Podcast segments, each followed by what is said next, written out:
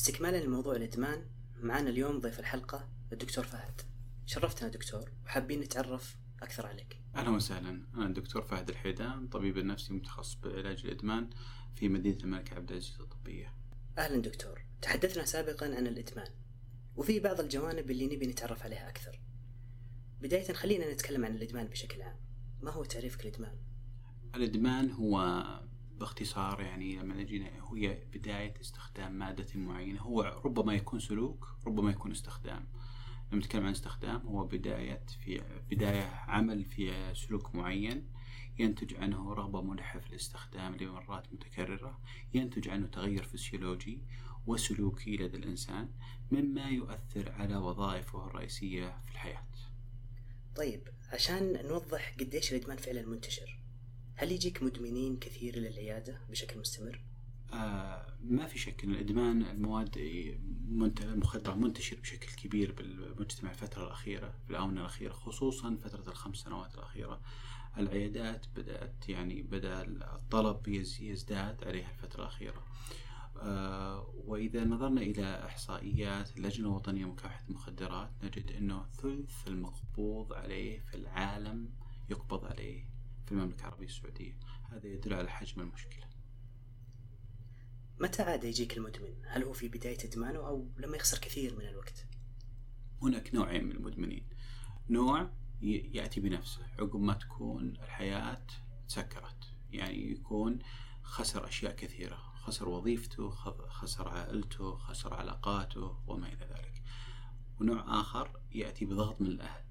وإذا بعد بعد ما يكتشفون إنه في بعض السلوكيات تغيرت لدى هذا المدمن فيبدون يضغطون عليه للجوء إلى الطب النفسي. أحيانا في كثير من الأحيان العائلة لا يدركون إن سبب التغير في السلوك هذا هو إدمان أساسا، فكان يأتي الإنسان بحالات ذهنية، كان يتصرف تصرفات غير منطقية بالنسبة للمجتمع، فكان يسمع أصوات أو يتخيل ناس يراقبونه أو كذا فهي نتيجة الاستخدام أدى إلى ظهور بعض الأعراض النفسية التي تحتاج إلى تدخل.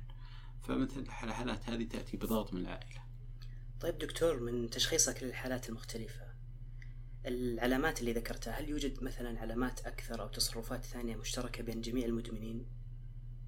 نعم ما في شك الإدمان أول شيء إذا جينا نتكلم عن عن الإدمان بعيدا عن ما ينتج عن الإدمان نتكلم عن بالبداية الإنسان يبدأ يستخدم كميات بسيطة ليصل للمتعة ثم مع الوقت تبدأ تزيد هذه الكميات وهذا نحن نسميه التحمل. آه، بعد ما يبدأ يزيد بالكميات عشان يصل إلى النشوة ذاتها يبدأ يأخذ من وقته الكثير. يعني بدل ما كان مثلا يستخدم فقط في نهاية الأسبوع أصبح يستخدم ثلاث أيام بالأسبوع أو أربع أيام بالأسبوع ثم يأتي فهي, فهي يبدأ يصرف من وقته الكثير ثم يصرف من ماله الكثير ثم تبدأ تؤثر عليه في جوانب أخرى بحياته. يبدأ عمله يتأثر تبدأ علاقته الأسرية تتأثر علاقته الاجتماعية تتأثر. ربما أنه يقود آه، يعني يضع نفسه تحت في مواقع الخطر وهو تحت تأثير المادة. كان يقود السيارة تحت تأثير الاستخدام. لذلك كثير من حوادث السيارات الآن نجدها نتيجة استخدام المواد المخدرة. طيب هل يوجد مثلا أعمار معينة يكون فيها الإدمان أكثر؟ يبدأ الإنسان بالتعلم وهو في سن المراهقة وغالبا ما تستهدف شركات أو ما ما يستهدف ما يستهدف المروجين آه، الشباب في سن مبكرة. لأنه إذا الشاب بسن مبكرة عندما يتعود على سلوك معين. يكون أصعب من آه، في التخلص من هذا السلوك. ومن الصعب أن تعلم شخص يعني كبير بالسن إنه بسلوك مثل هذا. فغالبا ما يستهدفون الشباب الصغار. أعمار 14 إلى 18 إلى 21 سنة. في آه، تستهدف سواء من شركات من من من المروجين أو حتى من شركات التدخين يعني خلينا نكون صريحين التدخين يستهدف الشباب من 8 إلى 12 13 سنة عشان لأنه هذا العمر إذا بدأ يستخدم في الغالب إنه صعب يستمر لفترات طويلة من حياته يستخدم. آه، إيش تأثير البيئة على حدوث الإدمان أو حتى على استمراريته؟ البيئة إحنا لما نجي نتكلم عن البيئة نتكلم عن العرف يعني مثلا بضرب مثال على أساس نفهم وش معنى البيئة، البيئة ليست جو، البيئة هي ما تحيط نفسك به. يعني كمثال عندما تكون في مجموعة من الأصدقاء اللي يرون أن التدخين صفة سيئة، فمن الصعب أن تكون من بينهم شاذ. كذلك العكس، عندما تكون بين مجموعة الكل يدخن، فمع الوقت تجد نفسك شاذ. فطبيعة الإنسان تحب أن تكون من ضمن المجموعة ما تحب تكون شاذة. فكذلك الاستخدام. في كثير مثلا الآن نتكلم عن الفترات الأخيرة عندنا في المجتمع آه، انتشرت مادة الحشيش. فالشباب بدأوا يعني المادة هذه أصبحت يعني عرف بين بعض المجتمعات فلا يمكن الاندماج مع المجموعة إلا باستخدام. وإذا لم تستخدم فأنت غريب ويتحاشونك الناس. جميل. دكتور تحدثت في البداية عن أنواع غير إدمان المخدرات. فحبذا لو تحدثنا عنها أكثر وكمان لو تحدثنا عن ليش الاعتقاد السائد الآن أنه إدمان أي شيء غير المخدرات ما يعتبر إدمان؟ آه الإدمان نوعين زي ما قلنا إحنا سلوكي في إدمان سلوكي وفي إدمان آه، بيولوجي، البيولوجي هو استخدام المواد المخدرة مثل الحشيش، ال Xanax، ال benzodiazepine اللي هو المواد المهدئة. أو المواد المنشطة أو الهيروين أو وما إلى ذلك. وهناك سلو يعني إدمان سلوكي. الادمان السلوكي هو ما يتعلق بالسلوك. في الغرب عندهم مثلا المقامرة عندنا في المجتمع إدمان الإنترنت، إدمان الأكل، إدمان بعض السلوكيات المعينة اللي تخلي الإنسان يشغل أغلب وقته فيها مما يؤثر على حياته العملية، ف ليش الناس يرون المواد المخدرة هي اللي تسبب إدمان ولا التصرفات الأخرى لا لا لا يعتدونها شيء؟ لأن هي الأكثر انتشارا، هي الأكثر أكثر الناس ينظرون أنها واضحة بشكل واضح ولأن الأكل أو الإنترنت يعتقدون الناس هذا شيء طبيعي والناس كثير تمارسه بدون لا يتاثرون. طيب الإدمان الثاني اللي هو الإدمان السلوكي هل له تأثير مثلا على الصحة النفسية أو حتى على القدرة العقلية؟ نرجع مرة ثانية. الإدمان له إذا إذا الإنسان دخل في دائرة إدمان بمعنى معنى ذلك أنه أصبح يعني حياته العملية الوظيفية وظيفيا تأثر. يعني كأن إذا كان عنده دراسة أو عمل تأثر إذا كان له علاقات تأثر علاقاته الأسرية تأثر اهتمامه بنفسه وبحياته تأثر. أكيد ما في شك مع الفترة مع فترة معينة من الإدمان قد يؤدي إلى نتائج نفسية اللي ينتج من السلوك غالبا ما ينتج نتائج عصابية كقلق كاكتئاب كانسحاب من المجتمع فقدان مهارات خصوصا بالتواصل مع الآخرين. جميل.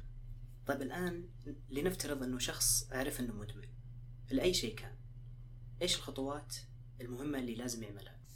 طيب آه في كثير من المدمنين يعلمون ما يعني بداية الإدمان أو في, في صفات مشتركة بين المدمنين. يبدأ يعتقد إنه قادر على التحكم. هذه صفة في أغلب المدمنين يقول أنا استطعت أن أتوقف يوم يومين شهر شهرين وتوقفت. أنا تي أقدر أستخدم مرة ثانية.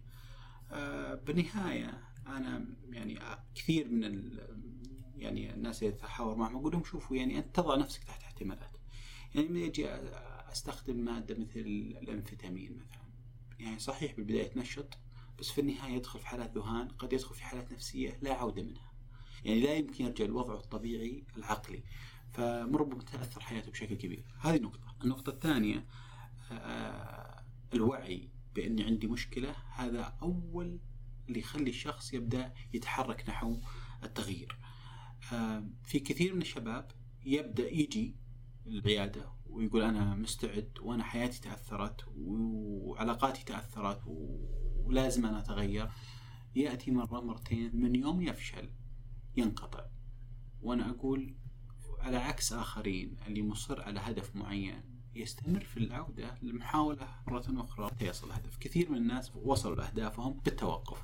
آه، فلذلك أنا أعتقد الدافعية الإصرار الوعي كلها مهمة للوصول إلى الهدف. بداية يعني يبدأ بخطوات عملية. في كثير من المدمنين يحا من من العلامات إنه حاول إنه ينقطع لأكثر من مرة لكنه هو يعود هنا يحتاج إلى استراتيجيات اللي هو بناء المهارات لمحاولة منع الاستجابة للرغبات الذاتية للاستخدام مرة أخرى. فأنا أنصحه دائما في لمراجعة الطبيب ثم الاشتراك في قدر الإمكان مع تغيير البيئة أسباب اللي تؤدي الأسباب اللي تؤدي للانتكاسة. ترتبط بأشياء مختلفة. وليست سواء عند الناس. يعني مثلا في ناس ترتبط آه، في مجموعة معينة وجود مجموعة معينة. في ناس ترتبط في مكان معين. في ناس ترتبط في جو معين. في ناس ترتبط بشعور معين. يعني أنا أشعر أني محبط فعند كل مرة أحبط أرجع للاستخدام. في ناس ترتبط بالفرحة وعندما ينهي مثلا مهمة معينة فهو يكافئ نفسه بالاستخدام. وما إلى ذلك فتدريجيا ينساق. فقدرتك على معرفة الأسباب التي أدت إلى الاستخدام تجعل منك عندك القدرة على أنك تمنع نفسك من الاستخدام. جميل جدا. ختاما دكتور نقدر لك طبعا وقتك ووجودك معنا. آه، في الأخير هل حاب توجه رسالة؟